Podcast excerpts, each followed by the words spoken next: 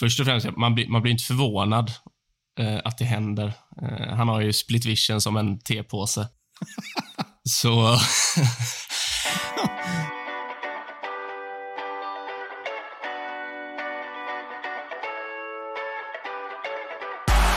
Manchester United score? They always score. Rooney! Oh, wonderful! It's Berbatov! It's brilliant!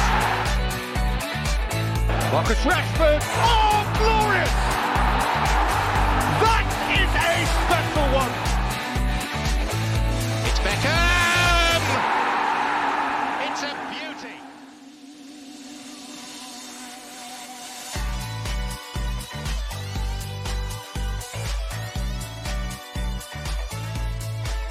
Känn er asvarmt välkomna till ett nytt avsnitt av United-podden. Podcasten som du inte visste att du längtade efter. United-podden görs i ett stolt samarbete med både den officiella supportklubben MUS och United-redaktionen på Svenska fans. United ska inte spela EL-semifinal, men United ska spela FA-cupfinal och den sköna känslan är givetvis den som ska omfamnas.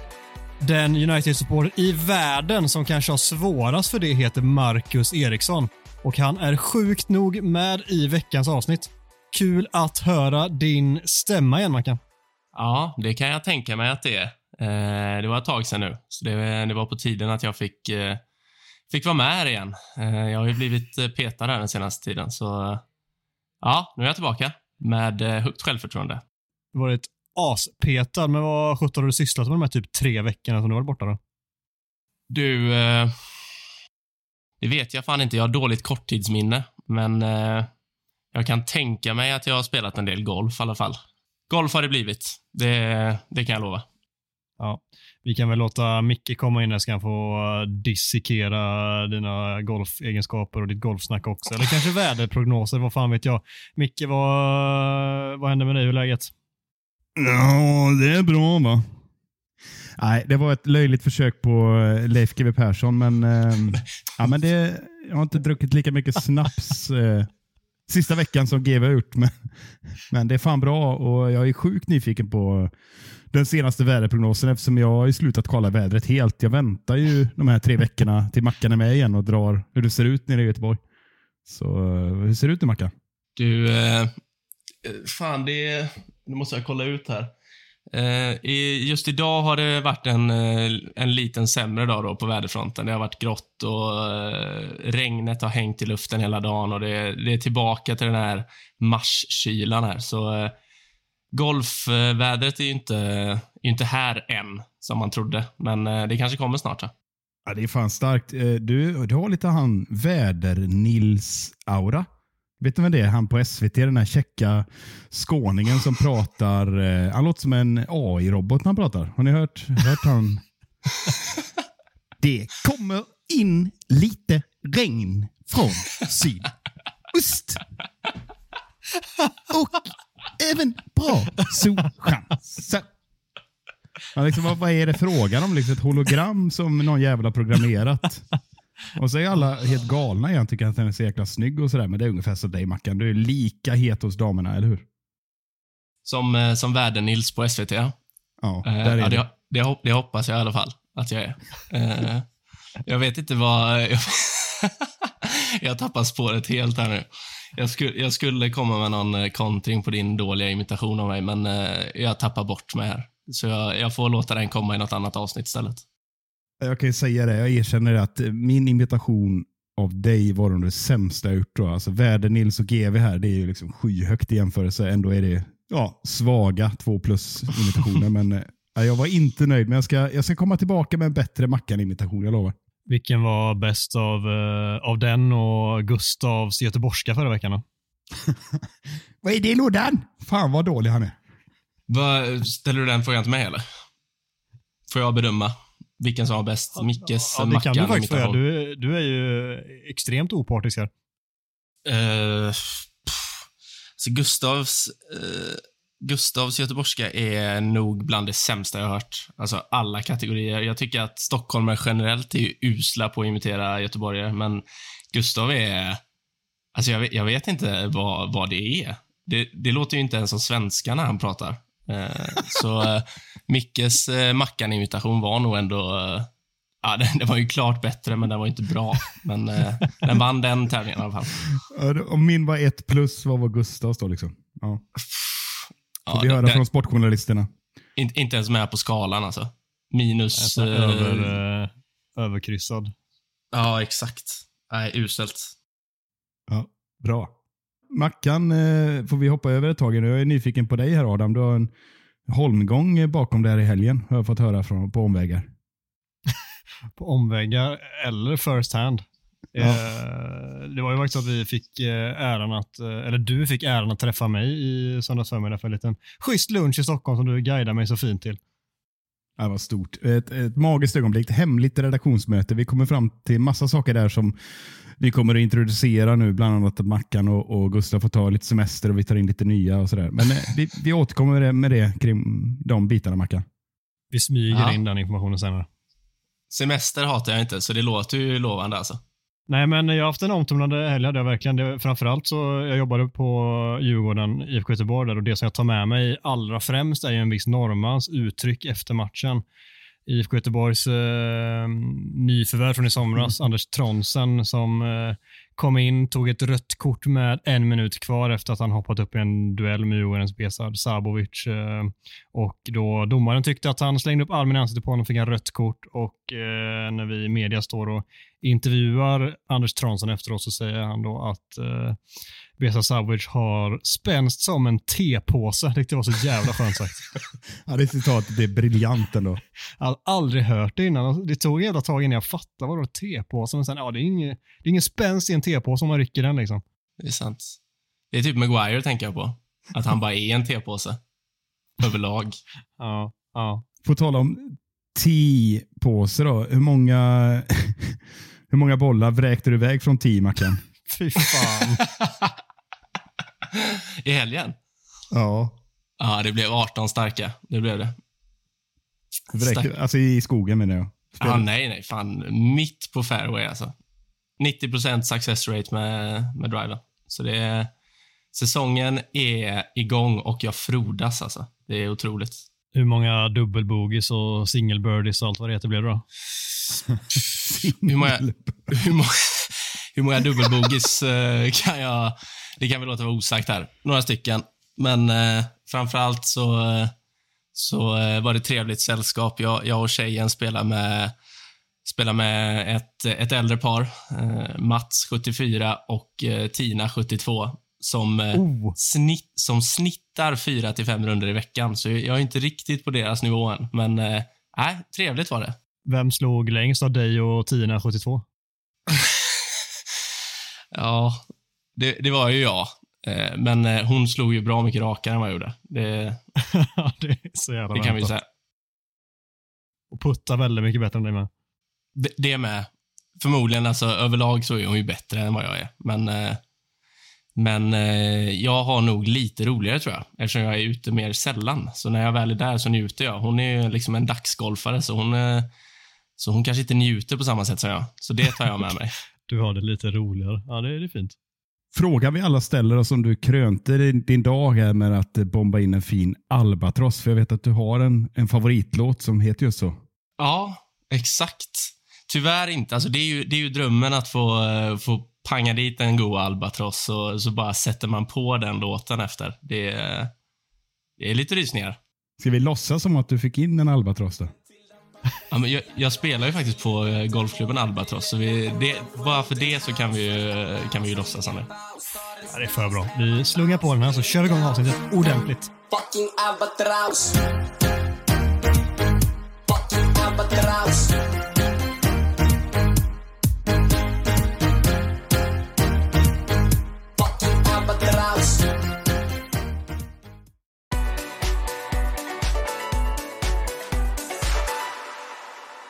Innan vi går in på det muntra som har skett i veckan som gått så måste vi tyvärr nämna Uniteds ofattbart svala insats borta mot Sevilla. United åkte till Spanien och torskade med 3-0 och fick därmed lämna Europa League i kvartsfinalen. Micke, hur stor missräkning är det egentligen? Ja, fan, det är klart och fan att det var en, en rejäl missräkning, men, men eh, förfallet började ju redan matchen innan i första matchen eh, på hemmaplan. Så det var väl inte jätteoväntat att eh, Sevilla skulle komma ut uppumpade inför sina vitklädda hemmafans. Och eh, United kom snett in det redan från, i det från början. Så jag vet inte, jag, jag satt väl mest och bara tänkte kan vi, kan vi hålla nere siffrorna första kvart, 20 minuterna så, så kan det här kanske gå vägen. Men, men det är inte så att jag var chockad över resultatet tyvärr. Nej, det är som du säger, den, den sista kvarten i hemmamötet lägger ju lite eh, grunden och sätter tonen för vad potentiellt det ska bli för returmöte i Sevilla. Och det kändes ju efter bara några sekunder att satan, det här blir tungt och sen så kommer det ett eh, fantastiskt briljant eh, förarbete av de Gea och eh, Firma Maguire som sätter laget i skiten också därefter. Så det, det är ju inte, mad, alltså det är inte en drömstart direkt. Jag är nyfiken på, dig, på, det, på din reaktion där Mackan när du ser att Maguire inte ser att det finns folk bakom honom. Vad säger du till dig själv då? Eller till någon annan?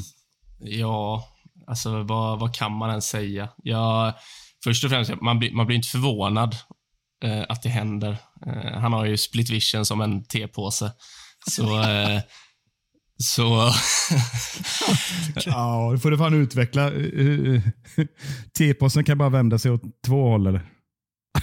kan, ja, om, om ens det. Alltså, den behöver ju hjälp att vända sig och just nu ser det ju ut som att Maguire behöver hjälp att göra fan allting någonsin. Så, eh, nej, jag vet inte. Jag tycker bara det är... Alltså det, det är många som har diskuterat just den händelsen. Och är det de Geas fel? Är det Maguires fel? Jag, jag tycker man kan landa i att det är, att det är bådas fel. De Geas passning är ju först och främst alldeles för lös.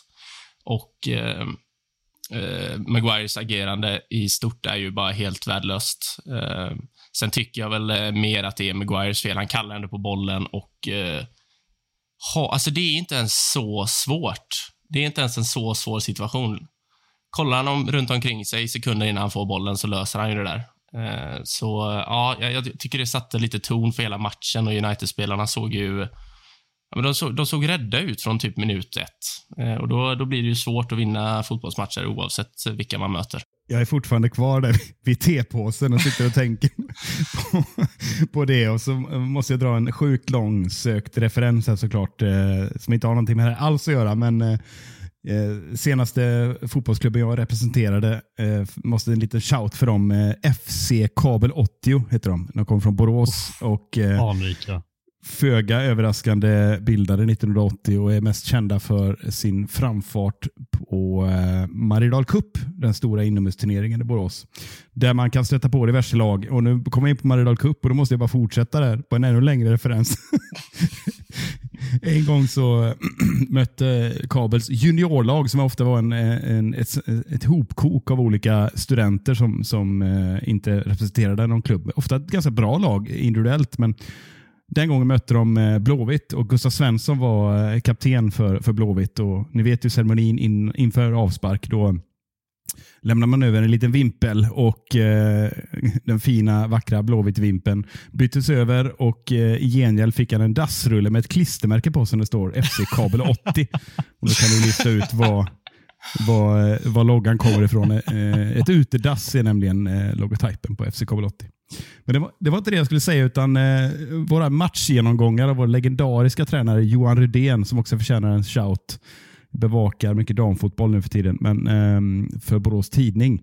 Men han var vår tränare under typ eh, 5-10 år, hur länge som helst. Då. han hade en säregen, ett säreget sätt att gå igenom taktik med. Han använde våra vattenflaskor som taktiktavla.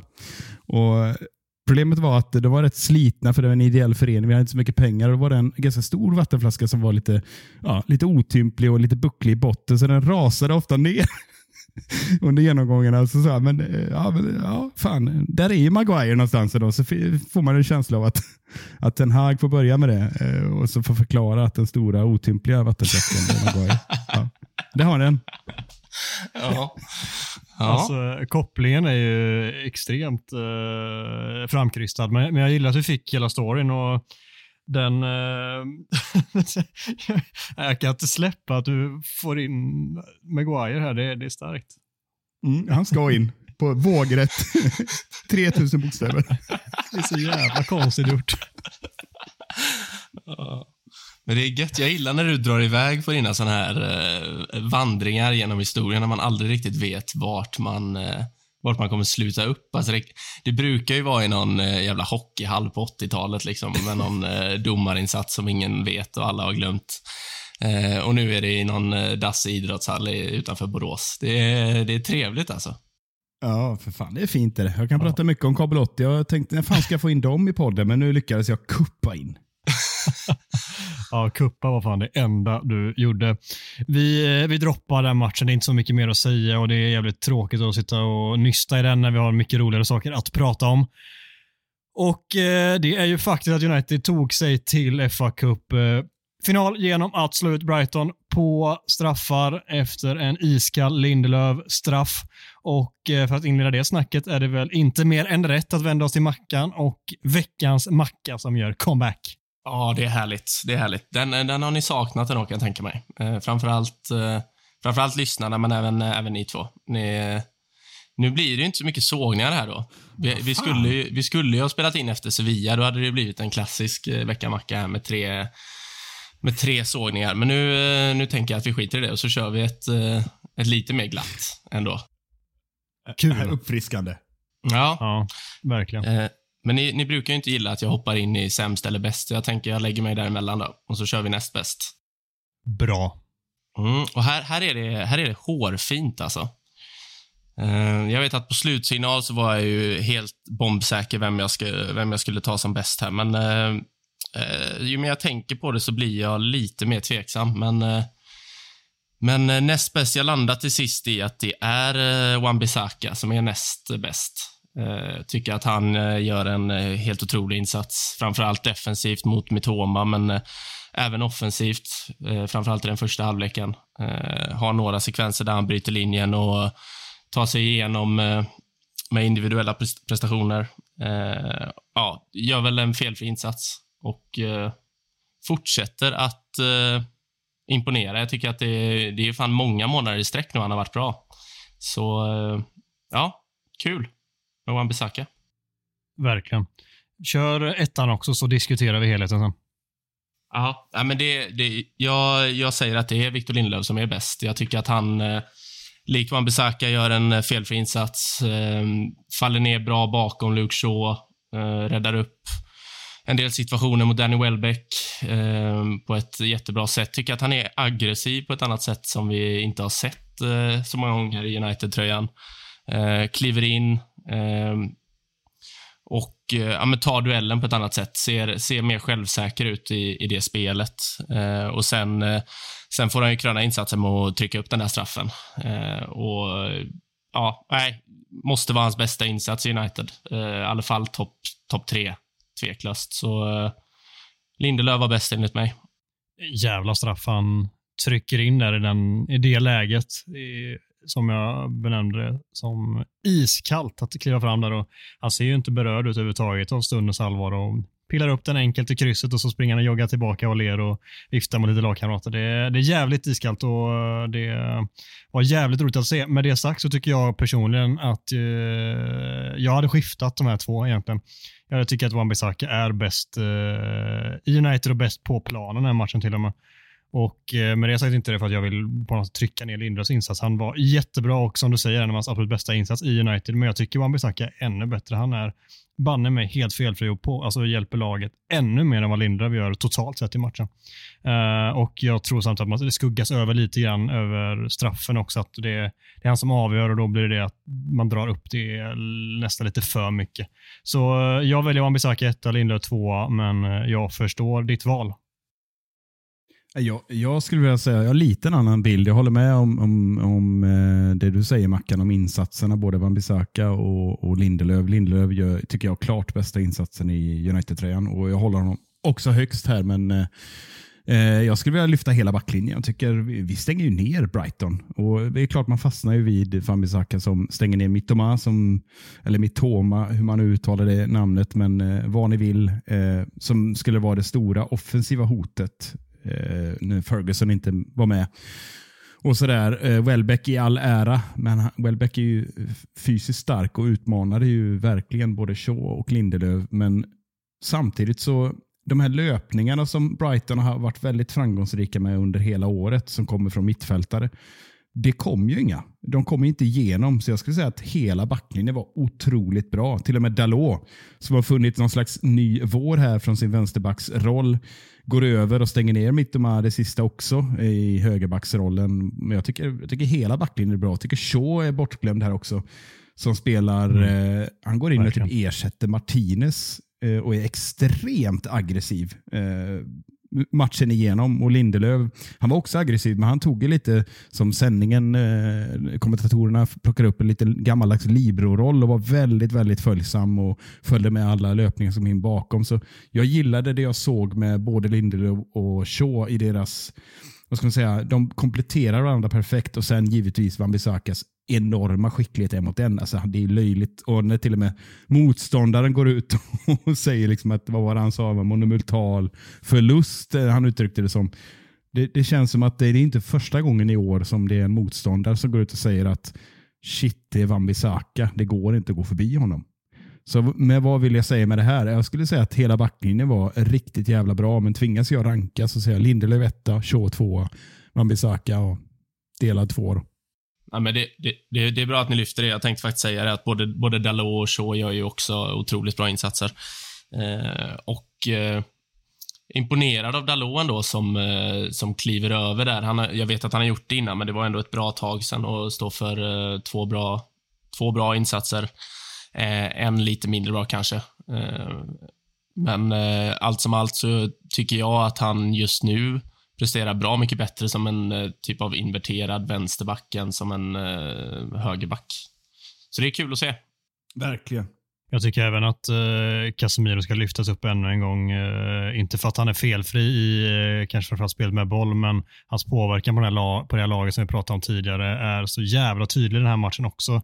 Periodvis hur hans eh, vana av stora matcher och mycket ansvar bara lyser genom tv-rutan. Hur jävla eh, vilken aura han kommer in med och smittar av sig på medspelare med. Och det tycker jag ska ha så jävla mycket cred. Och jag tycker att det är en, en detalj som på något vis personifierar honom är när jag vet inte om ni har sett det, men det har kommit ut ett videoklipp efteråt på när McLaren står och pratar straffskyttar inför straffläggningen. Och han eh, håller upp ett finger som den är, vem ska ta första straffen? Och Casemiro direkt upp och bara, jag har den.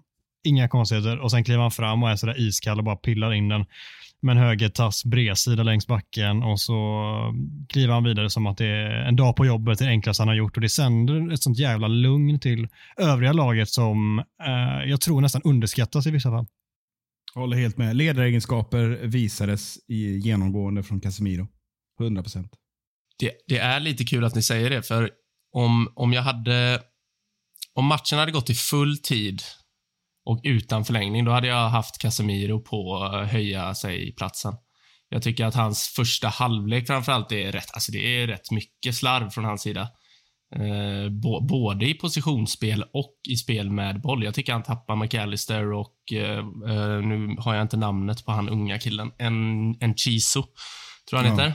Otroligt bra. Eh, ja, de hittade luckor där nästan hela tiden. Alltså nästan hela för, första 60 skulle jag säga. Eh, därefter tycker jag ändå Casemiro höjer sig och eh, ja, men som ni säger, visar ledaregenskaper där och eh, ja, men man märker att han är på plan trots att man kanske inte ser han så mycket, eh, framförallt i förlängningen. Eh, så den som får höja sig, alltså den som var sämst kort och gott enligt mig, eh, det är Christian Eriksen i den här matchen. Jag tycker att eh, det, det, det kan vara lite orättvist också. Eh, med tanke på att han är tillbaka från en, från en skadeperiod där han inte har spelat någonting och eh, slängs in i elvan tre matcher eh, från start på sju dagar blir det. Så han, han, är ju inte, han är ju inte fullt matchredo liksom och får det ansvaret att han ska axla den rollen. Tycker att han, jag tycker man ser att han är trött. Jag tycker att det går jävligt långsamt. Eh, och så fort vi möter ett lag där, alltså som, som, som sätter press och går högt, då tycker jag att hans, eh, han blir lite blottad där. Eh, det går lite för långsamt eh, och eh, det blir en del slarv där också. Eh, och det, det, kan ju vara en tendens av att eh, offensiven satt inte riktigt. Eh, vi får jaga mycket boll eh, och Brighton får styra och ställa lite som de vill där första 45, 50, 60 kanske. Eh, och då, då är ju inte Eriksen som bäst. Men jag, men jag tycker trots det att han, eh, han får höja sig ett snäpp. Jag, jag, jag håller delvis med. Eh, det finns ju förmildrande omständigheter tillbaka från skada etc. som du är inne på används ganska flitigt. Jag tycker det är fel av Ten Hag att, starta med Eriksen. Eh, man vet ju att Brighton har det här bollinnehavet. Fred hade ju passat mycket bättre och det blev ju, blev ju ja, det var en speciell match när han kom in, men det kändes ju som att eh, jag, tyck, jag tycker det blir lite konstigt med Eriksen när eh, Ten Hag så tydligt ville ta hem laget så förstod jag inte det riktigt. För när han fick, boll, fick tag i bollen några gånger i, först, i första framförallt, han, i andra så syntes han ju knappt. Eh, då var det bara att byta ut. Liksom. Men, men när han får tag i bollen så då, då har han stora förtjänster, men det var mycket springa runt i tomma intet. Så jag tycker snarare Ten Hag eh, gjorde en lite märklig matchuttagning där. Vi ska gå vidare, men Freds inhopp eh, vill jag bara säga också. Det är riktigt bra. Alltså, det är perfekt läge för honom att komma in där också med hans löpkapacitet. Och han är också jävligt finurlig med boll emellanåt. Han är framme där och lägger upp, eh, är delaktig i det upplägget som Rashford skjuter på någon av försvararna, vem det nu är, och eh, Martinez, eller och eh, Roberto, eh, vad heter han? Robert eh, Sanchez, Sanchez. får göra en superräddning på. Jag skulle vilja, innan vi pratar mer matcher, skulle jag säga att Rashford är ju där och hugger också om att höja sig. Han gör en slätstruken insats. Om det har att göra med att han är för tidigt tillbaka efter eh, ljumskproblemen. Han såg inte rörelseförhindrad ut om man uttrycker sig så. Då, utan eh, Jag tycker han var helt osynlig och fastnade ute på sin kant och tog inte så mycket löpningar in i mitten som man brukar göra när det väl kör fast där ute. Så antingen så gjorde Pascal Gros det bra eller så eh, var Rashford helt enkelt bara dålig. För jag tycker inte han bidrog så mycket som han brukar göra. Nej, men det är också- en svår match med tanke på att den ser ut som den gör och att Alltså det, det blir lite, alltså känslan är ju, i alla fall första 60 skulle jag säga, att vi, vi slår upp bollen på Rashford och så ser vi om han kan hitta på någonting. Det blir ett jävla, han, han blir ju rätt ensam alltså. Eh, och så, eh, det, ja, det, känslan när man såg honom mot Brighton var ju att han inte riktigt är fullt frisk. Jag tycker att han såg jäkligt eh, loj och nonchalant ut och eh, ja, men in, inte skarp. Han, han såg, eh, ja, han såg också trött ut. Ja, och Martial är väl inte lysande heller. Nej, jag, jag tycker ingen offensiv spelare är sär- särskilt bra offensivt. Så med det sagt, eh, elakt att kasta Eriksson under bussen. Tycker jag tycker det är en, fyra, fem stycken som eh, ja, är på samma låga nivå. Mm. Men någon ska väljas ut och Mackan valde Eriksen och vi får helt enkelt acceptera det och eh, gå vidare med snacket. Och det är väl bara egentligen att konstatera att det blir en jävla rolig final mot eh, Manchester City, Manchester Derby i finalen. Och eh, tufft som fan, men jävligt roligt. Ja, vad fan. Jag satt, jag satt under straffläggningen och tänkte bara på det. Fan, vi får inte missa det här tillfället att möta City i finalen och, och sno den här jävla eh, titeln framför näsan på dem. Alltså jag bara satt bara, nej vi får inte, vi får inte. Inte bara liksom vinna matchen, och gå till final är ju härligt, men just bara på grund av det så satt man ju verkligen och darrade när Sabitzer eh, sköt iväg en, eh, den enda halvdana straffen som, som han är på, målvakten där. Nära en superräddning. Äh, jävligt roligt och eh, det är match vi har att se fram emot. Eh, Det blir väl då säsongens allra, allra sista match också i, eh, jag gissar, jag har inte kollat datum, men det är början på juni, slutet av maj. 3 juni eller sånt där. 3 juni, ja. Snyggt, det har ni stenkoll på. Kul!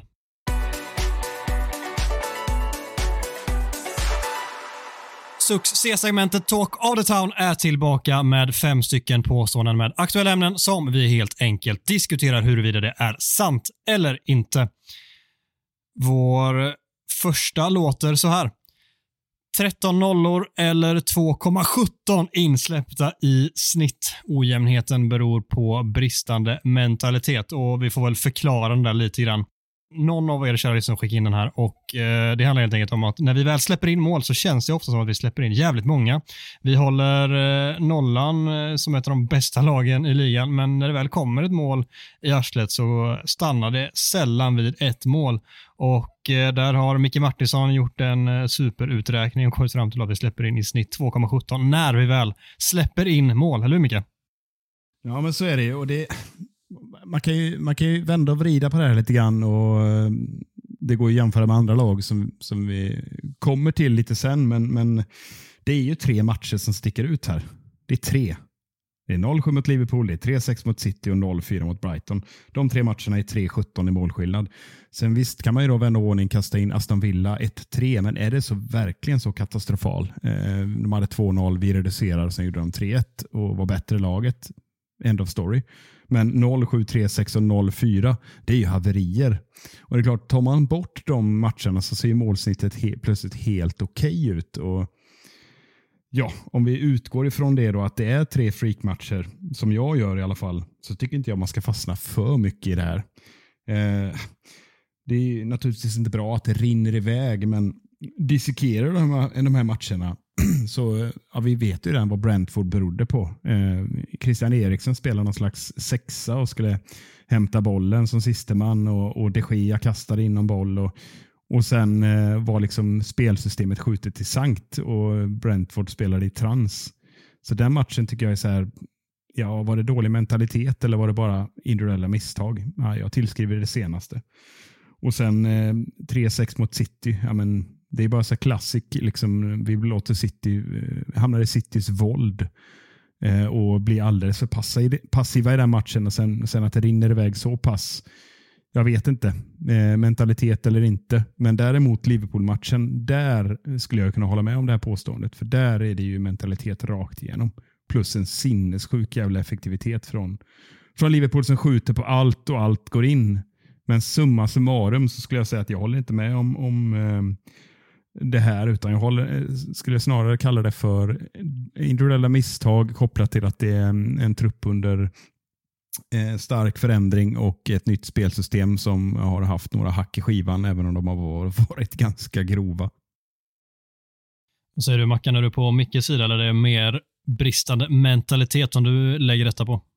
Nej, alltså jag vet inte. Jag tycker det är svårt. Jag vet att jag har varit inne på det innan, att det känns som att det behövs väldigt lite för att göra mål på United. Eh, oavsett hur bra vi har varit i en match eller under en viss period. Jag tycker att det är vi släpper in för mycket skitmål. Alltså det...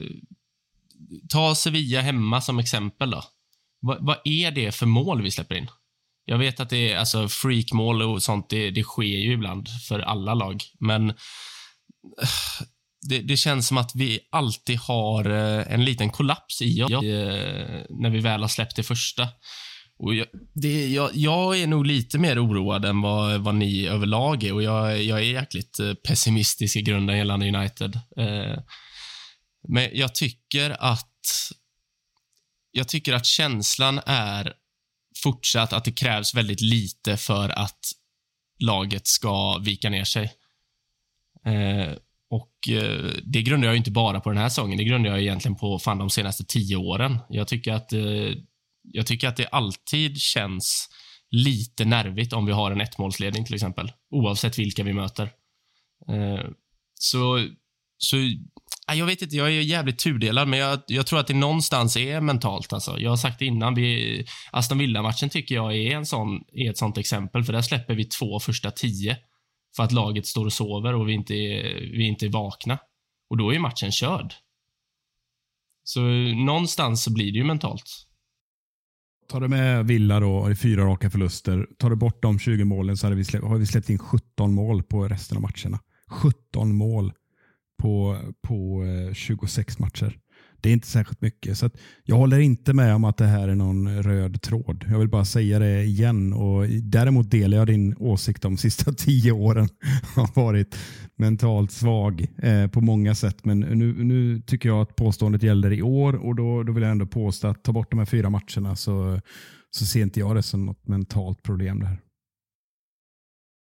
Nej, jag, jag är nog med på din sida Micke. Alltså, det jag tänker också är att jag tror att alla supportrar känner så här om sitt lag många gånger, att, att de aldrig kan vara trygga med en ledning och etc. etc. Att det alltid finns här.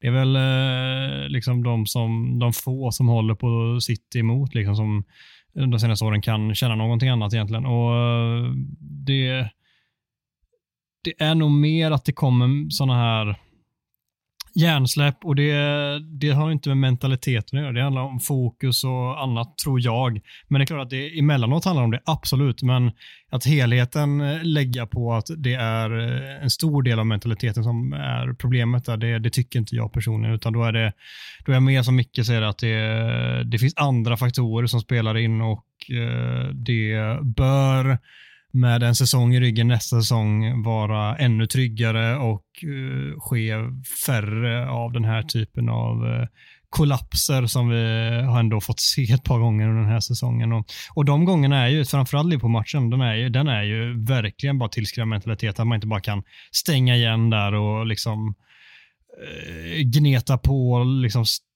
stoppa blödningen vid eh, 0-4 eller någonting. Men det, det klarade inte den spelartruppen där då. Det, det lägger jag på mentaliteten, men det är inte tillräckligt många gånger för att jag ska göra det i, i en större utsträckning. Får, får jag bara säga en sak innan vi går vidare? Jag, jag är ju med er på att jag tycker att mycket, nästan, nästan allting med detta United har ju blivit alltså, otroligt mycket bättre i år gentemot tidigare år. Eh, det, det, det jag fastnar vid är väl att Alltså det, det, här är ju inte, det, det, är inte taktiskt och det är förmodligen inte, alltså det är ju inte mentalt heller, utan det är brist på kvalitet många gånger vi, alltså målen vi släpper in. Ta, ta, vad, vad gör Malaysia i minut 81 när det kommer en inlägg? Jo, men då ska han släppa den och vara lite cool och släppa ut den till inspark utan att kolla omkring sig. Och så helt plötsligt är ett, alltså ett uruselt Sevilla som har blivit, ja men, snudd på utspelade i 80 minuter helt plötsligt med i matchen. Eh, och sen går Lisandro Martinez sönder och sen har vi ett självmål från Maguire och så helt plötsligt så väger det över till Sevillas fördel. Det är det jag menar. Det känns alltid som att det ligger ett misstag, en liten kollaps i United. Och huruvida det är mentalt eller brist på kvalitet, det är, det är, det är ju från gång till gång. Jag tycker fortfarande att det, det känns alltid lite osäkert. Jag vet inte vad, vad det grundar sig i. Det kan vara spelarnas kvalitet och det kan vara mentalt match till match. Ja, det, jag håller med dig så tillvida att det är inte så att Uniteds förluster eh, är liksom oj, eh, det var en chockförlust och United har tryckt på och bomba. Utan när vi förlorar så gör vi det ofta ganska klart på något sätt. Och det, det är väl lite så här, det är känslan när, när Ten Hags spelidé kör fast i kombination med liksom, eh, med eh, individuella misstag, då, då faller vi hårt. Liksom. Det, det är, där är jag med dig. Liksom. Men, men, samtidigt så är det inte så jävla många förluster. Vi har gått igenom det här med Arsenals förluster kontra Uniteds förluster. Och totalt pratar vi om nu, då, men nu har vi fyllt på med några till här. Då, men, men eh, det är inte jättelångt ifrån ett lag som är så überhyllat. Och nu pratar vi alltså i alla turneringar. Då. Men eh, jag håller med, dig. det är inte good enough att hålla på och förlora med 7-0 och 3-6 och så vidare. Om vi tänker oss att ta ytterligare kliv. Det, där är jag med dig, men att orsaken skulle vara bristande mentalitet, det håller jag inte med om. Minst tre klassnyförvärv behövs för att hota om titeln nästa säsong. Stämmer detta Mackan? Ja, minst tre skulle jag säga. Eh, det tycker jag är rätt vedertaget att United behöver. Eh, så eh, ingen tvekan, minst tre, tre nyförvärv av klass behövs i sommar. Absolut. Vad är det för position du tittar på främst då? Ja, främst är ju anfallare. Det är svårt att komma bort från det. Vi behöver en anfallare. Vi kan inte springa runt med en, eh, eller vi, vi, kan springa runt med Martial om han är frisk, men vi kan fan inte lita på att han är frisk. Eh, och Då kan vi inte ha Vegors där uppe, så en anfallare ska först och främst in. Sen tycker jag att eh, eh en central mittfältare ska in, minst. Nej, jag, jag ångrar mig. Jag tycker två centrala mittfältare ska in. Så en anfallare, två centrala mittfältare. Lite namn tack, va? Ja, det kan jag, kan jag väl ge er då. Eh, alltså anfall, anfallaren tycker jag är rätt solklar, eh, Victor Osimhen. All in på Victor Osimhen. Perfekt ålder, eh, fysiskt stark, snabb, hotar alltid i djupled. Eh, otroligt vass i straffområdet. Eh, och kommer öppna upp eh, otroliga ytor åt våra kantspelare och vår, eh, vår offensiva mittfältare. Så eh, all in på Victor Osimhen. På, eh, på mittfältet är fortfarande min drömspelare Frenkie de Jong. Eh, sen eh, vet jag att det förmodligen inte kommer hända. Eh, så då är jag då är jag fan kluven alltså. Eh, men jag tror ju att eh, jag tror ju att Caicedo från Brighton hade varit ett eh, otroligt, eh, otroligt nyförvärv till den här truppen. Eh, tycker att han visar i, i matchen mot oss vilken, vilken kvalitet han har. Alltså. Som en eh, bulldog-terrier på det där mittfältet och dessutom eh, duktig i passningsspelet och med väldigt funktionell teknik. Eh, så då, då säger jag Caicedo, Osimhen. Eh, och får jag drömma lite då så säger jag väl Frankie de Jong också. Micke, skickar över frågan till dig. Är det minst tre som gäller och har du några namn därefter? Ja, Minst tre håller jag med om, eh, om vi ska utmana City, säger vi då. eh, det är väl det, den måttstocken. Och Arsenal kanske. Nej, och jag, jag, eh, vi har ju pratat en del om det nu några avsnitt i rad här och nu verkar det som att Ferg, även Ferguson har skrivit på nytt kontrakt här va, med, med sitt Brighton och blir ännu dyrare att köpa loss. Eh, var det till 2028 eller vad var det de skrev? Korrekt. Ja, och när han är borta då, för det, det, är en, det är en liten drömspelare för mig och det är för att det vi har pratat om är en liten Rooney-typ som man kan drömma om hur bra han kan bli. En, så, en sån nyförvärv älskar jag när man, det finns en, en färdig spelare men ändå stor utvecklingspotential. Jag har ju sett oss i män så jäkla lite, men, men eh, det jag har sett är ju, jag tänker inte lägga till något, det Mackan säger, det, är- det är ju klass liksom rakt igenom. Sen ska det göras i Premier League också. Naturligtvis, men eh, så där skriver jag under. Sen vill jag ju ha Jude Bellingham då. Eh, vi pratade ju sist om att välja bort, välja någon av dem, men jag tar hellre honom än, än Frankie. Och sen, sen är vi ju där, där bak i backlinjen och funderar lite grann. Och jag har inget namn egentligen, men jag, är, jag, är för, jag måste börja se lite så här fan holländska ligan och jag måste börja liksom eh, scouta lite mer själv för jag har lite dålig koll på eh, för att köpa ett etablerat namn, en mittback pratar vi nu då. Det finns ju inte jättemånga som är redo att ta ett sånt steg. Jag vet inte om ni har någon. Men, eh, så jag säger eh, två, eh, två nyförvärv, Osimhen och Bellingham och sen Mr X som mittback. Ruska Mr X. Ja, men jag, jag delar väldigt mycket av era mm, åsikter och namn. Jag håller med om att det är minst tre som måste in och för mig är det däremot lite högre prio än vad det verkar vara för er med en målvakt. Eh, jag vill se en anfallare, jag vill se minst en mittfältare, gärna två och jag vill se en målvakt.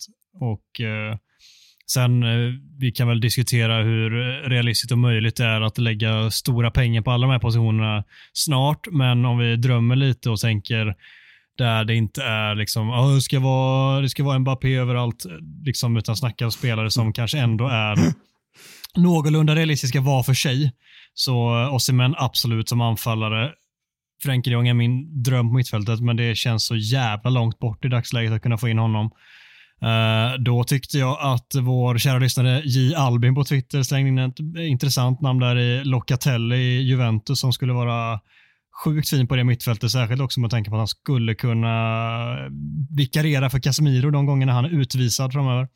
Det är en spelare som skulle kunna fylla in på många positioner där samtidigt. Så jag, jag gillar verkligen honom, har gjort i många år och tycker att det är en spelare som har varit superfin i United, men det känns inte heller jätterealistiskt. Men det är ett namn som jag tänker slänga in där. Och sen i målvaktspositionen så finns det ett gäng målvakter. Jag tycker Raya är jävligt bra i Brentford och sen så tycker jag att Diogo Costa som är väldigt hypad, eh, portugisiska landslagsmålvakten i Porto, Uh, får ju extremt mycket beröm för sina insatser i, i Porto som han spelade i Champions League också. Jag har inte sett honom vrål mycket, men det jag har sett älskar jag i form av hans pondus och passningsfot och uh, ja, men, genuina as-självförtroende i mål. Jag tror att det hade varit väldigt bra för vår backlinje. Uh, men han skulle bli, bli dyr också, så är det. Men för mig är målvakt viktigt. Jag säger så här då, nu, nu verkar det ju ryktesvägen igen här då, som att det är på väg att skriva på någon form av kontrakt här. Förmodligen betydligt lägre lön. Men om vi, Dean Henderson har väl kontrakt. Eh, om han kommer tillbaka och ordentligt konkurrensutsätter de Gea, är inte det en bra eller okej lösning då framåt? Nej, jag, jag, tycker, jag tycker sälj honom. Det, det är dags att plocka in en mer eller mindre klar etta som kan, eh, på samma sätt som vi såg att Ederson transformerade City, på samma sätt som Alisson transformerade Liverpool. Jag är helt övertygad om att Erik Ten Hag, eh, om han får drömma, skulle vilja göra det också. Sen, återigen som jag nämnde tidigare, då ska man väga positioner och pengar mot varandra. Vad det är värt att prioritera. Då kanske han inser att nej, vi, det är viktigare med en anfallare och en mittfältare. Då är det bättre att förlänga med de Gea, ge Henderson chansen eller vad det nu handlar om att han, han gör. Men att det kommer stå minst en ny målvakt i, i Uniteds eh, trupp till nästa säsong, det, det är jag säker på. Sen vad det blir för typ av nödlösning eller satsning där, det återstår verkligen att se. Och Det tror jag också den så här, ägarfrågan kommer spela väldigt mycket in i också. Jag vill ha in Mackan här också, för jag vet inte fan, alltså det vi pratade lite grann om det sist. Vi, du utgår ifrån att vi har en plånbok som är helt, liksom, eh, som Gustav säger, det är deep pocket som kommer in här. Eh, och vi bara kan kasta ut miljarder eh, och liksom, lösa alla lagdelar. Jag, jag tror det lutar åt att man fortsätter med den här målvaktsduon och lägger krutet på anfallssidan. Om man ska titta realistiskt. Men, men jag vet inte, tvingas jag välja så vi kan inte fortsätta med den här anfallssituationen. Så då säger jag ju det i så fall. Men nu var det ju tre nyförvärv vi fick drömma om och då, då säger Adam målvakt och jag och eh, Mackan säger anfall och mittfält. Jag vill inte bara ha en målvakt. Jag vill ha mittfält och anfall också som jag sa. Lugn. Tre, tre målvakter vill Adam ha. hat. Tre målvakter vill Adam ha. Nej. Tre målvakter bänken tack. Det samtidigt. sker får vara som bäst fyra. Nej, men jag, det jag skulle säga var att jag, jag, håller med, jag håller med Adam här också. Jag vill också ha en ny målvakt, men eh, eh, jag, jag tror inte att det kommer bli så. Så eh, därför känns det dumt att sitta här och önska. Men eh, får, får jag välja en målvakt som jag verkligen vill att United ska ha, så är det Mike Magnan från Milan. Alltså herregud vilken målvakt det ja, är. herregud ja. Jag, jag, jag, tyck, jag tycker att det är, det är världens bästa målvakt och där, eh, det, det tycker jag är rätt tydligt. Jag tycker att han har fan allt som en målvakt ska ha. Eh, otrolig linjemålvakt, alltså pondus, fötter. Eh, ja, vad fan behöver en målvakt mer ha? Alltså, han, har, han har allt. Eh, kolla bara matchen mot Napoli förra veckan. Alltså, jag har aldrig sett en målvakt dominera en match så mycket. Det är otroligt hur bra han är. Alltså. Så eh, det, det är min absoluta drömvärvning om vi ska förstärka på målvaktspositionen. Fick jag det, fick jag det sagt också? skriver jag verkligen under på. Bra, eh, bra att du flikar in det också, vilken jävla målvakt det är. Victor Lindelöf konkurrerar ut Rafael Varane nästa säsong. Det var ett spetsigt påstående, Micke. Ja, nej men det, jag tycker det är kul med så här, det så här hejaklackspåstående. Det går bra en match och nu jävlar ska han upp där och stångas med de största Bigge. Nej, men jag, jag måste börja med att säga, vi har sagt det redan, men jag är så jävla glad för hans skull. Eh, måste säga, för han, han har känts så kuvad och ja, självförtroendet har saknats. Och, och den där jätten vi har sett i det svenska mittförsvaret då och då har man ju inte sett knappt i United. Mer än att han, han gjorde några fina matcher i början. Han kom in och, och var lite oförstörd och sen har liksom Maguire och hela den skiten bara tryckt ner han i dyn. Och så, därför var det så jäkla kul att se som sagt det där samarbetet med Shaw. Eh, och Jag tror ju att Lindelöf har eh, den här nivån i sig eh, om han får fortsätta spela. Och väger du då in Varans skadehistorik, det vet ju alla redan. Så det, det handlar ju om ettor och nollor det här. Hur, hur liksom, eh, schemalägger man eh, eh ett mittbackspar utefter Varans eh, kropp? Ja, det är ju jättesvårt. Så han måste ju ha en, en, eh, ett alternativ han kan lita på. Och Jag tycker Viktor visar i alla fall nu då att han, mot Brighton att han kan leverera. Kan han fortsätta så här nu när han förmodligen kommer få spela väldigt mycket resterande delen av säsongen och hålla den här nivån? Ja, men då är det inget snack tycker jag att, att han är eh, vårt, eh, vårt tredje val om vi inte tar in någon, någon annan. Eh, I och med att han är höger inneback och behärskar även vänster inneback. Men vänster inneback har vi Martinez när han är tillbaka och Shaw. Så att, ja, det... Jag säger eh, ja. Konkurrerar ut, det vete fan, men han är där och hugger. Nej, han är inte där och hugger, men eh, han är alltså, framförallt om han tänker prestera som han gjorde här senast. Men jag förväntar mig, alltså, någonstans ligger det inte helt långt bort att det kommer en sån här svag hemåtpass här nu mot Tottenham och Son fångar upp den och gör ett mål från Lindelöf. Liksom. Det, det känns som att det, det är där någonstans det också kan komma. Det, det, du, det som du är inne på i början, där, det, det är så jävla typiskt att en spelare gör en sån här riktigt, riktigt bra match och så tänker man att han ska kunna upp och svinga mot de allra, allra bästa. Och det kommer inte han kunna göra. Med det sagt håller jag med dig om att han är så pass bra när han är bra att han absolut kan vara ett eh, fullgott alternativ bakom varann. Men eh, jag vill se mer kontinuitet och jag vill se, som vi pratade om tidigare, mer aggressivitet under en längre tid. Och får vi se det, då absolut, då är jag tillräckligt övertygad. Men på, alltså enbart på grund av att han gjorde en jättebra match mot Brighton så tänker inte jag ändra min åsikt om att det vore allra bäst att hitta något annat alternativ där bakom eh, varann eh, långsiktigt. Men återigen, det ska prioriteringar vägas mot varandra och då kanske det är bättre att köra Lindelöf en säsong till som tvåa än att eh, eh, lägga krut där och vaska andra positioner såklart. Men eh, snackar vi drömvärld så vill jag absolut ha in något annat alternativ där och låta Lindelöf spela kontinuerligt i någon annan liga eller något annat lag. Nej, jag, jag, vet, jag vet inte riktigt eh, kon konkurrera ut. Jag tror, jag tror ju att med de, med de prioriteringar jag tror att United kommer göra i sommar så, så tror jag ju att eh, Lindelöf kommer fylla en, eh, en, eh, en roll nästa säsong. Jag tror inte, jag tror inte att han kommer eh, jag, jag tror inte han kommer spela 25 matcher i Premier League, men jag tror att han kommer spela 25-30 matcher totalt. Jag tycker att han har Alltså, det har han ju typ gjort genom att inte spela. Eh, befäst sin position som tredje val. Eh, det finns inte en chans i världen att, eh, att man kan ha Harry Maguire ovanför honom i en eh, rangordning just nu. Eh, så Harry Maguire kommer ju lämna United. Det är jag tämligen säker på. Eh, och då, jag, jag utesluter att både Maguire och Lindelöf lämnar. Eh, för det då, då har vi inga alternativ och då kommer vi behöva köpa två mittbackar. Det kommer inte hända. Um, så jag, jag, tror att Lindelöf kommer uh, vara tredje val nästa säsong. Jag tror att han kommer spela 25-30 matcher.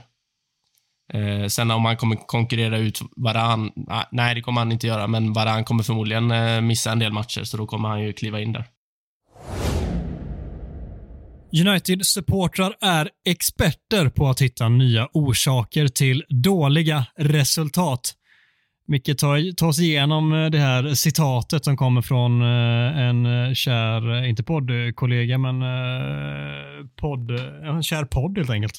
Ja, det är fina Kick and Rush som förtjänar en shout här igen. De är engagerade i United-poddens avsnittspushar. Det gillar vi. fortsätt med det. och ja, men som jag tolkar deras lilla utläggning, eh, som eh, jag själv då kokade ner det här citatet till, eller det här påståendet till, så finns det väl ändå lite fog för det om man, om man liksom kikar på det. Först och främst då utifrån här då, innan vi bemöter det som United-supportrar. Det vill säga att eh, ordagrant kommer jag inte återge tweeten, eller tre tweets fick vi till och med som förklaring, men, men lite grann så när, när eh, Casemiro är borta så, eh, så är det total katastrof för laget. Eh, men när Casemiro är tillbaka, då är Bruno borta och då är, då är det total katastrof för laget och, och så vidare. Ja, ni hör det. Finns liksom, det, andemeningen samma är... Martinez, samma Rashford, liksom det, det bara fortsätter. Det finns nya ja, samma, är deras eh, åsikt. Ja, och visst utifrån sett kan man ju absolut resonera så. Eh, sen håller väl inte jag med om det eh, rakt igenom mer än att, eh, att vi vet att Casemiro är jäkligt viktig för, för balansen i hela laget. Och Det har vi redan pratat om tusen gånger. Och Vi vet att Rashford i den målform han har varit är väldigt viktig för målskyttet. Men samtidigt så har vi överlevt utan bägge de två, eh, även om vi har gnällt. Och Tittar vi då på det här påståendet då att vi skulle vara mer gnälliga eller på något sätt eh, ja, än någon annan så vet fan, går det att vara gnälligare än Liverpool-supportrar som skyller på gräs och domare och opumpade bollar och allt vad det nu är.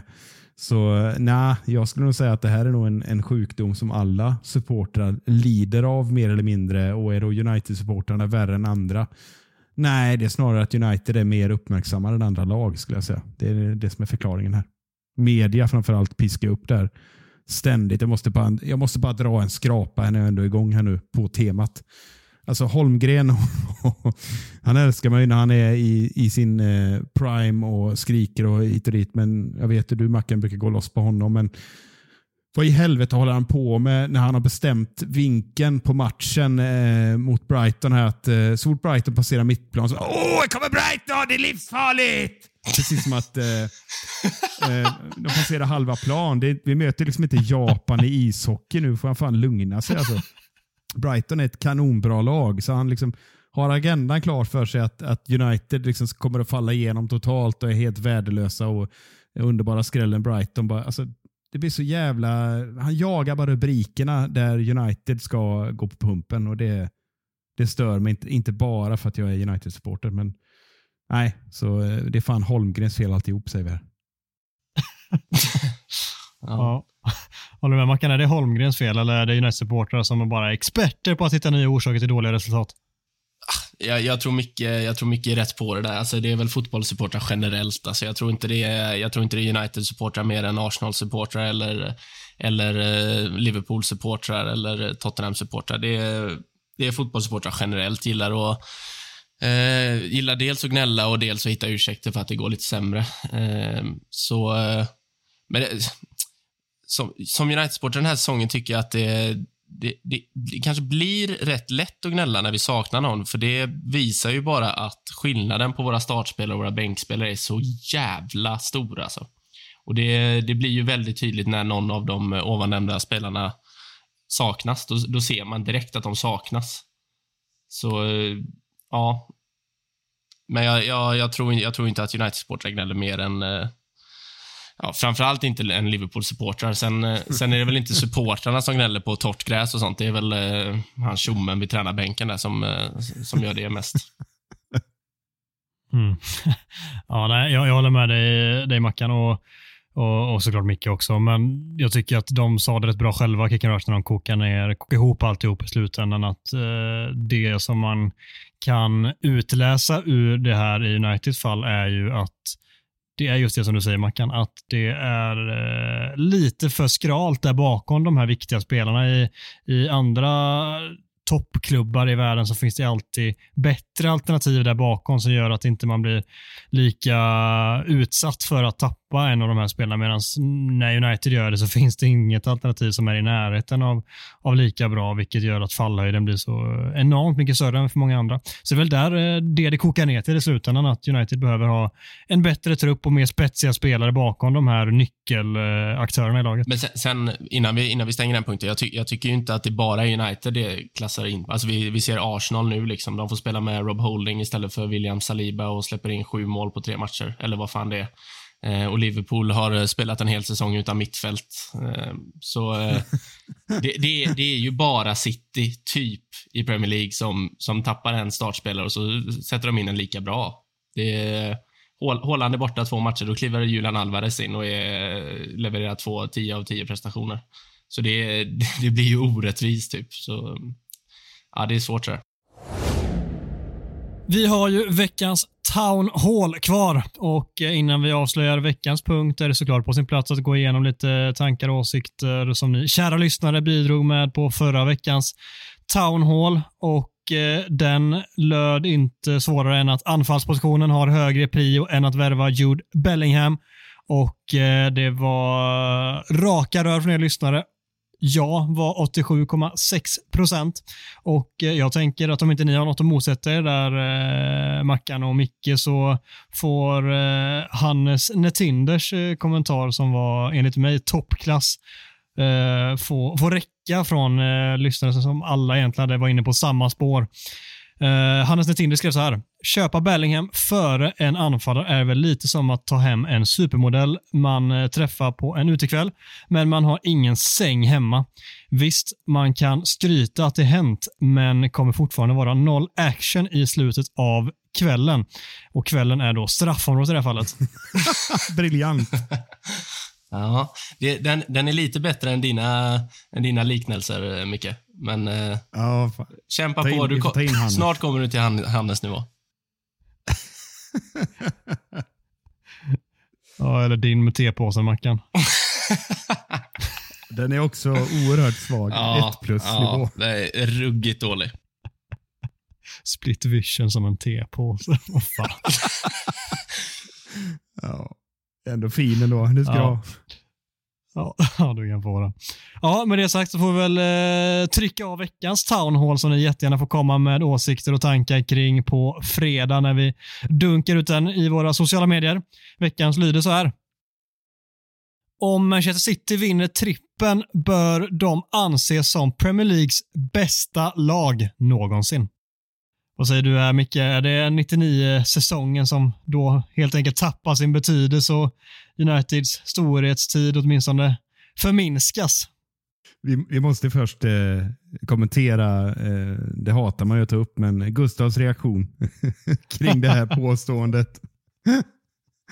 Det var, Ja, det var vetorätt och det var FNs säkerhetsråd och jävlar vilket motstånd det var. Va? Han, han var helt galen på oss att vi ska ta upp det här. Ja, han, var, han var rabiat, tyckte att om vi, om vi ens tar upp det här så uh, rättfärdigar det på något sätt att det kanske finns en uns av sanning i det. Men eh, jag, jag tror att det är kul att prata om det oavsett om det finns en uns av sanning i det eller inte. Vad säger du Micke? Är det, är det så? Ja, men först måste jag rent personligen sitta och säga, det är klart som fan att varenda United-supporter som är fullt frisk eh, sitter och hatar bort eh, City i alla turneringar här. För att det får liksom inte hända. Men om man då liksom utgår ifrån att det förmodligen inte går att stoppa det här äckliga, vidriga, blåa tåget som är känslan just nu i alla fall. Eh, det är väl bara att lägga sig platt. Förmodligen kommer de att eh, åtminstone vinna två titlar. Jag tror de vinner Premier League och jag tror att de vinner Champions League också om de passerar Real Madrid. vill säga. Men, men sen har, är det upp till oss att stoppa det här då. Och, men skulle det ske då, eh, vilket är jag vet, 60 procents chans tror jag de har att ta det här, skulle jag säga. Det är min, min gissning. En trippel. Eh, det är klart som fan att det inte kommer eh, radera ut Uniteds fullständiga dominans i Premier League med 13 titlar har vi väl om inte jag är helt ute och seglar. Och, eh, och City, vad har de? Eh, är det femte de tar nu då? Eller vad blir det? Innan, så jag inte säger fel här. Om de nu vinner då så är det väl Ja. femte. Va? Eh, Jag är femte fan inte helt hundra, men jag, det ska sjätte- vara där. Sjätte är det tror jag de vinner. Det kan det vara Men de, har, de står på fem, men, men hur som helst så, så det är klart att eh, sett över hela Premier League eh, så är, är det ju naturligtvis så att de, United är den bästa klubben, punkt. Men eh, det börjar ju på att bli lite lurigt om de fortsätter att rada upp eh, ligatitlar till höger och vänster och dessutom skulle du nu vinna en Champions League då, ja, men då, då börjar de komma upp på en nivå. Men eh, jag skulle säga att de inte är nära. Men det är ju inte konstigt att, vi, att man för den här diskussionen med tanke på att de har dominerat de sista ja, tio åren rätt så kraftigt. Ja, och det är inte konstigt att vi kommer sitta här och tycka att eh, en eventuell City-trippel inte kommer bräcka en, eh, en United-trippel från, från 99 och att det laget eh, såklart är väldigt mycket bättre än det här City-laget etc. självklart. etc. Det, det, det är svårt att ha en annan ståndpunkt här. Men eh, med det sagt så är det klart att det, man sitter här och oroar satan över det och hoppas att eh, åtminstone vi ska kunna sätta krokben för dem i en fa kuppfinal Men eh, att eh, Real Madrid eller eh, ett då Milan eller inte ska kunna stoppa dem i, i Champions League. Så att, eh, någonstans att det inte blir den där jävla trippen så eh, känns det jävligt skönt för oss att eh, kunna stå där som herren på täppan och ha varit, eh, haft den bästa säsongen av ett engelskt lag någonsin. Nej, jag, jag har väl inte jättemycket att tillägga. Eh, förutom att det bara är eh, United 99 som har vunnit en trippel i England och det visar väl hur jävla svårt, eh, svårt det är. Eh, så snackar man lag för lag, alltså jag tycker sånt där är alltid är skitsvårt. Jag hatar de där diskussionerna. Arsenal-fansen gillar ju att lyfta upp Invincibles där, eh, för att de kryssar sig igenom en Premier League-säsong. Eh, Eh, Bar- Barcelona-fansen gillar att lyfta upp eh, deras helt sanslösa lag under Guardiola. Som enligt mig förmodligen är det bästa fotbollslaget i historien, för de var fan, det gick ju inte. Eh, och Nej. Sen gillar vi United-supportrar att lyfta 99-laget och 07-08-laget. Eh, så det, jag, jag tycker det är, det, det är jävligt dumt med här att säga att United 99 eller 07-08 är bättre än dagens City. Jag, ska jag vara helt ärlig så skiter jag lite i det, förutom att jag inte vill att City ska vinna en jävla trippel. Eh, så eh, Uniteds trippel kommer aldrig bli obetydlig, för vi gjorde det först och vi har varit ensamma om det hur länge som helst. Så den kommer ju alltid finnas där. Mm. Låt oss hoppas att vi slipper den här diskussionen framöver.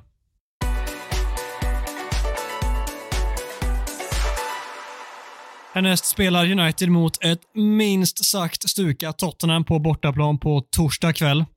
Hur eh, lurigt blir det mötet egentligen, Mackan? Med tanke på att de eh, kan komma in som ett sårat, skadat djur som bytt tränare för 200 gånger på en halvtimme.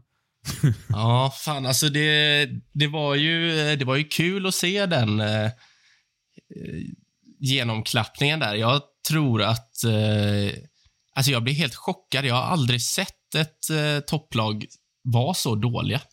Eh, och då har man ändå sett United 0-7 mot Liverpool liksom och eh, 0-5 mot Liverpool förra året. Men det var, alltså, det var inte ens i närheten. Första, första 22 minuterna, det ser ju ut som, det ser ut som valfritt korplag i division 4A, Korpen Göteborg. Liksom. Det, det, ser ut, det ser inte ut som de kan spela fotboll.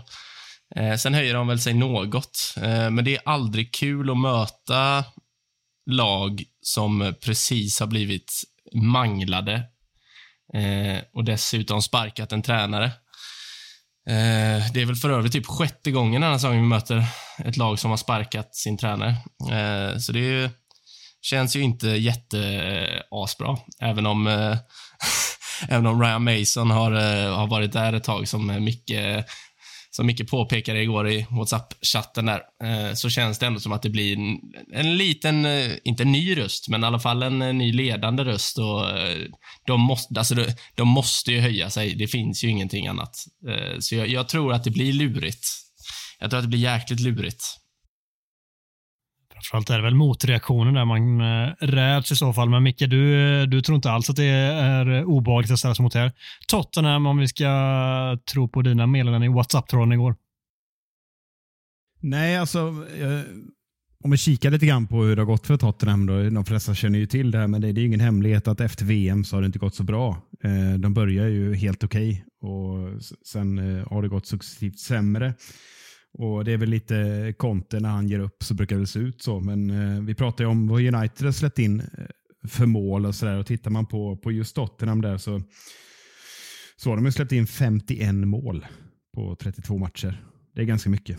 Och eh, De har hållit nollan nio gånger. Loris har lyckats med det. Eh, är ofattbart. Eh, jag skulle säga att han är ligans näst svagaste förstmålvakt i år efter den här dåren i Leicester. Men, men eh, tar du bort de nollorna så, så är vi liksom, då är de ett snitt på 2,2 och de har ju egentligen bara ett superras. De har ju mera varit eh, schabbliga bakåt i var och varannan match kan man säga. Det, det är väldigt mycket insläppta mål. Sen har de gjort rätt mycket mål, hämtat upp rätt mycket och sådär. Men, men eh, det är ju verkligen inget ramstarkt, eh, ramstarkt defensiv eh, som vi har sett. Och Tittar man mot eh, en ny, man får liksom sluta det här Big Six-jämförelsen för Chelsea, vad ligger de nu? 29 i ligan eller vad är det?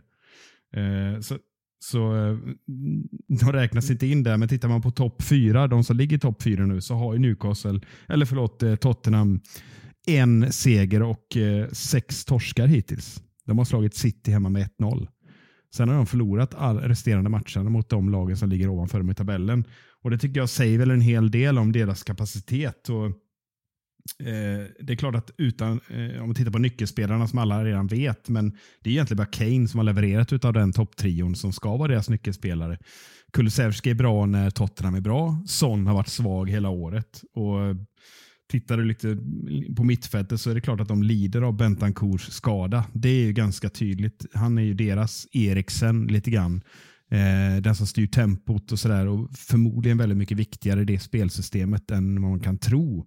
Och Det har ju gjort att de har fått spela med Skip och, och den här Sarr och de här andra bredvid då, dansken. och Höjbjerg och det har ju liksom sett väldigt ihåligt ut. De har inte liksom fått till sin matchplan in, egentligen i någon match utan de släpper in väldigt mycket för att de eh, spelar Hawaii-fotboll och så gör de en hel del mål för att de har väldigt bra kraft uppåt. Men jag, jag skulle säga så här att det här spelsystemet 3-4-3 med wingbacks som, som är så, eh, var så eh, bra för Conte i början.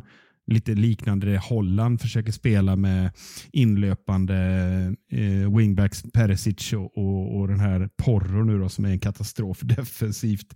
Det har inte fungerat överhuvudtaget efter Bentancurs skada egentligen i någon match. Det jag har sett. Och, och det liksom, Vad står vi då? Nej, men senast provade man ju en fyrbackslinje och då såg man hur det gick.